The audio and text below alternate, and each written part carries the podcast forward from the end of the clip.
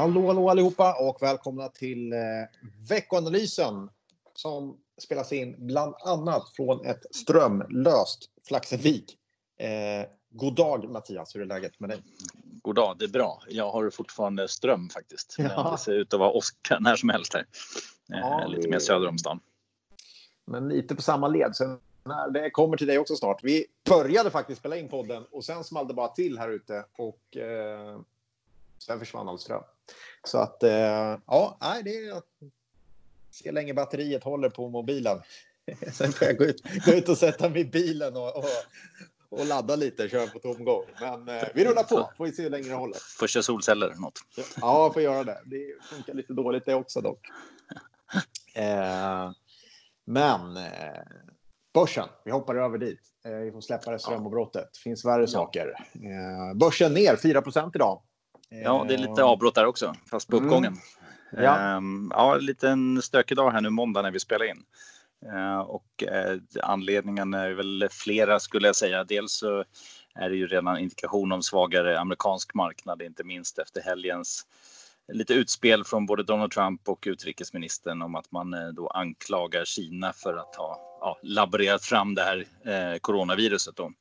Eh, och en, en, risk att då handelskonflikt och annat eh, blossar upp igen. Men sen är det också ja, dåliga siffror som kommer in och det har vi ju förväntat oss i och för sig, men ändå. Så I Sverige har vi fått in här nu på morgonen industri eh, inköpschefsindex i Sverige som sjönk till 36,7 och det är en historiskt snabb nedgång, eh, precis som vi har sett för många andra såna här PMI-siffror. Så att, ja, det är lite svagare och eh, vi har ju varnat för att den här uppgången som har som har varit under den senaste tiden, den, ehm, eh, ja, den kanske har gått lite fort och det har varit liksom inte nödvändigtvis byggt på, på bättre vinst eller liknande utan det, ja, det, det ser ut att eh, falla tillbaka här nu i alla fall initialt så får vi se hur länge det håller på. Just det. Och eh, känns väl lite grann också som när, när vi nu fått en eh, rapportperiod som har varit bra då. Bolagen har gjort det väldigt bra första kvartalet. Så kan vi ändå konstatera att nej, det är också väldigt dystra framtidsutsikter och någonstans kanske börsen ändå får ta till sig att även om vi ser slutet på, på eller i alla fall lite ljus i tunneln kring corona och eh, vi har stora räddningspaket igång så, så, så kommer det ändå, det här kommer ju ta tid. Det, det är ju helt klart att eh, det, är ingen, det är ingen quick fix att bara dra igång och, och allt är som vanligt igen absolut inte. Det, det, kommer vi leva med en bit fram och vi kikade faktiskt också i den här veckanalysen just på det här som du nämner att rapportsäsongen faktiskt var ganska bra. Eh, ja, men det är också så och framförallt att kursreaktionerna ändå varit positiva över 60 av fallen. Men tittar vi till exempel i USA här så Eh, att den är bra och kanske lite bättre än förväntad visar ju också att man har dragit ner förväntningarna lite. Eh, men framför allt så är ju risken också att det blir mycket sämre här andra och tredje kvartalet. Eh, första kvartalet ser ut att indikera en, eller en vinstväxt som då faller med med 15 procent på årsbasis här under första kvartalet jämfört med första kvartalet förra året. Men när vi tittar mot Q2 och Q3 så lär det här bli kring, kring 30 procent istället. Så att det är naturligtvis eh, sämre eh, utsikter på gång för bolagen och eh, det det, det är vi alla medvetna om att det är framförallt kanske under Q2 som den stora effekten kommer. Men att det också ligger kvar en del framöver och tittar man på vad bolagen säger så ja, de, de säger inte så mycket. De, de, eh, I amerikanska bolag så brukar man guida lite mer om framtiden. Det gör man inte på samma sätt nu. Och svenska bolag brukar ju vara ännu mer försiktiga normalt och där är det ju väldigt lite indikationer om vad som väntar framåt. Men vi kan nog räkna med att vinsterna naturligtvis påverkas ordentligt. Ja, eh, absolut. Och vi har tittat lite på det där också i veckoanalysen nu. Är det för mm. tidigt lite med cykliska bolag? Och egentligen har vi kollat på flera sektorer. Vilka klarar sig bra, vilka klarar sig sämre? Och det är väl inte så märkligt då förstås att, att just defensiva bolag har klarat sig betydligt bättre än de konjunkturkänsliga under den här perioden. Men eh, man kanske inte ska tro att det är över.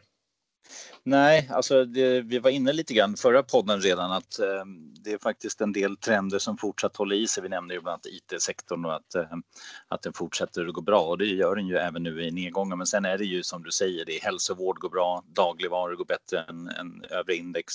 Sällanköp går faktiskt också lite bättre. Det kanske inte är lika Eh, självklart. Men sen är det de mer konjunkturkänsliga bolagen som drabbas hårdare och vi har ju där exempel energi, finans, industri, råvaror som går klart sämre än börsen hittills.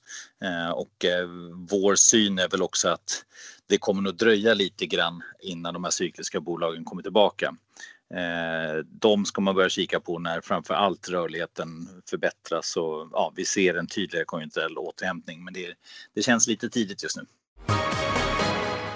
Eh, lite för många frågetecken kvar där. Eh, man såg också att det är väldigt svårt. Scania kom in idag, eh, eller Traton, eller hur man vill uttala det. Mm. Men det redovisas ju också Scanias siffror och det är ju väldigt, väldigt svårt, helt klart.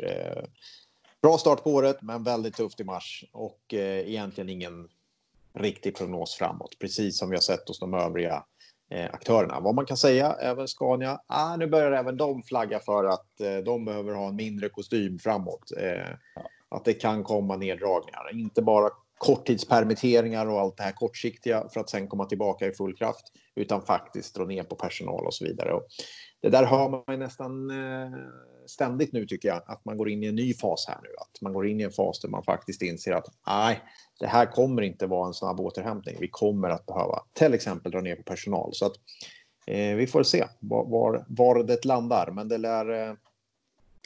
Ja, det, ja, tyvärr så ser det ju ut lite så att vi, vi kommer få en klart ökad eh, arbetslöshet och att den kanske inte går tillbaka direkt till, till tidigare låga nivåer på en gång utan att det ligger kvar lite också. Vad gäller amerikansk arbetsmarknad till exempel så har vi ju nu under senaste veckorna sett de här veckostatistiksiffrorna över nya arbetssökande eh, hela tiden och det är ju det som media också har lyft fram flera gånger. Men det som där det faktiskt på riktigt blir ja, mer, mer faktisk eh, arbetslöshet. Det presenteras i den månatliga arbetslöshetsrapporten och den kommer ju faktiskt nu den här veckan och där lär ju också vara där förväntningarna är ju faktiskt att det är antalet sysselsatta minskat med 21 miljoner under april och det skulle innebära att arbetslösheten stiger upp till ungefär 17 procent drygt. Eh, så där är ju verkligen, eh, ja, där ser man det som tydligast.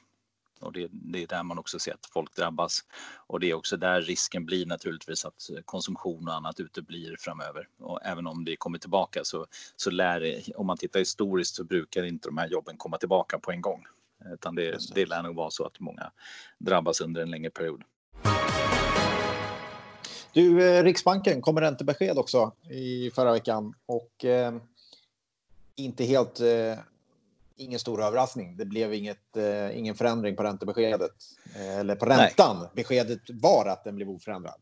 Ja, exakt. Eh, nej, men eh, precis. Riksbanken inser ju också att det inte är värt att förändra räntan på den här nivån på 0% och eh, ECB och Fed ligger också kvar Eh, och kom med besked under veckan och även där så lämnades reporäntan helt oförändrad.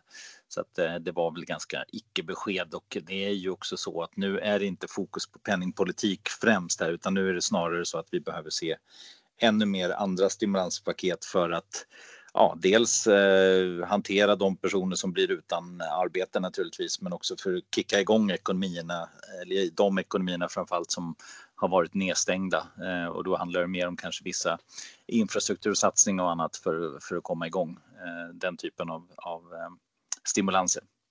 Just det, just det. Eh, och det, det, det, känns väl som ett rimligt antagande. Eh, den här veckan då, vad ska, vi, vad ska vi kika på det? Eller kika på då, säger man kanske. Ja, eh, nej men, eh, vad gäller makro så som sagt lite inköpschefsindex vi hade i Sverige idag. Det kommer också tjänstesektorn på onsdag. Eh, och för tillverkningssektorn så var det ju som sagt riktigt svagt. Sen kommer det slutgiltiga siffror för eurozonen vad gäller inköpschefsindex och väntas ju vara riktigt svagt. Det sammansatta indexet för tillverknings och tjänstesektorn det väntas falla till 17,1 för Tyskland och 13,5 för eurozonen. Och då ska man komma ihåg alltså neutralnivå är 50 så det här är ju naturligtvis riktigt, riktigt mörkt och lägre än vad vi hade under finanskrisen. Ja. Eh, sen har vi svensk BNP-statistik för första kvartalet. Det eh, lär ju självklart också vara svagt, även om det återigen det första kvartalet. En stor del av nedgången kommer under det andra kvartalet. Och sen eh, som jag sa så kommer det då arbetsmarknadsstatistik i USA i slutet på veckan. Självklart viktigt. Tycker du det finns det någonting att Finns det någonting att hämta ur de här siffrorna? Finns det någonting som du känner att det här är ändå intressant eller är det bara det är så dåligt så att eh, siffran i sig blir inte värd någonting. Förstår du vad jag menar? Är det, ja. Tycker du att det finns någonting att hämta här? Finns det någonting man kan kika på eller är det helt enkelt bara så att eh, konstatera att det är jättedåligt? Men, men förstår du vad jag menar? Finns... Ja, men mycket av de makrosiffror, det har vi sagt tidigare också, att just i ett sånt här läge så är det, får man inte riktigt en viktig signal från dem. Eh, om du tar till exempel förra veckan så kom det amerikansk BNP-statistik preliminär för första kvartalet som och sa att amerikansk ekonomi krymper 4,8 procent. Ja, det har vi förstått att det är ett ordentligt eh, fall, men det visar liksom inget framåt. Sen finns det ju ibland vissa typer av ledande indikatorer som som ger kanske ett bättre, eh, ja, en bättre signal, till exempel inköpschefsindex. Men även de tycker jag nu är inte särskilt bra, utan det man kan göra är att vi har ju till exempel byggt lite olika former av kvantitativa modeller där vi mer kanske inte bara två, tre sådana indikatorer utan vi har med liksom ett drygt tiotal indikatorer med. Eh, de gemensamt eh, är väl kanske den bästa signalen och de börjar faktiskt, och det här är ju också en, väl, en, ja, en indikator som är lite mer trögrörlig. Den rör sig inte direkt när det kommer en siffra utan den är liksom, ja, har lite trögare svängningar och den faktiskt också den pekar på att det, det blir en klart försämrad eh, situation för risktillgångar och makro eh, framöver. Och eh, det är väl det största skälet till att man ska vara fortsatt lite försiktigt. Det kommer in svaga siffror.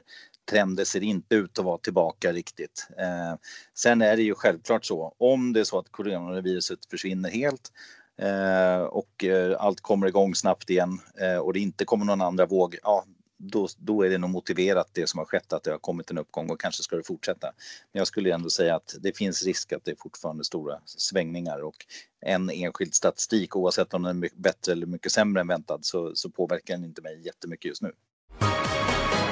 Eh, veckan som kommer här då, ah, det fortsätter ju att rasa in eh, rapporter förstås och det är ju de mindre bolagen som kommer nu framför allt. Eh, men eh, vi har ju bland annat Electrolux på torsdag. Kan vara spännande. Vi har eh, Nordens mest ägda bolag kanske, eller ett av de största, Novo Nordisk på onsdag. Eh, och sen kommer ett helt gäng. Det är också en, en lite tråkig grej. Vi har ju faktiskt Stefan Persson gör sin sista stämma som ordförande i Hennes och Mauritz och den blir digital. Så det blir ingen det blir inget eh, farvälföreställning eh, faktiskt. Så det, det är lite trist. Jag vet inte hur länge han kan ha, ha haft den rollen, men det måste vara bra många år nu faktiskt. Eh, men hur som helst, det är på torsdag i alla fall och eh, det blir väl inte så dramatiskt därför att utdelningen eh, är ju inställd där. Ja. Eh, någonting annat som man ska hålla lite koll på tycker du? Nej, jag tycker nog inte det, utan det är håll utkik på nya eh, eventuella stimulanser och ja, stimulanspaket som kommer. Det är det som marknaden hoppas på hela tiden. Um, annars så, nej, lite kvar av rapportsäsongen naturligtvis som sagt, får se var den landar. Annars mm. är det eh, ja, en, en negativt tolkningsföreträde i inledningen av veckan i alla fall. Så får vi se om det kommer tillbaka efter, efter att haft en period som varit ganska bra. Tittar vi på världsindex senaste månaden så är det upp 10% och i år ner 11. Och det får man mm. anse ganska bra ändå med tanke på det som har hänt. Um, så ur ett sådant perspektiv så, så, ser det faktiskt inte så blodigt ut som det kändes ett tag. Nej, Eh, en klar förbättring. Vi får hoppas att det kvarstår när vi återkommer om en vecka. Eh, eh, det får vi se då. Du, jag tror vi stoppar där och säger tack och adjö, eller vad säger du? Ja, det gör vi. Ja, tack. Det gör vi det. Tack så du ha. Ha det gott. Hej. Så var ni era kära mödrar och var ni era fäder med Därför partypatrullen och kräver det och våga inte stå där stilla med benet på väggen, stå där och chilla. Då kommer discosnuten. bötfälla dig. Då får du piss på truten. Olagligt att inte dansa, asexuell, straight eller transa. Och vi ska upp bland molnen, varannan dag men alltså en skål sen. Vi ska twista till svetten, lackar till polisen, juristen och rätten backar. Skiter i tiden och vad klockan slår när vi revar hela dygnet så långt vi förmår.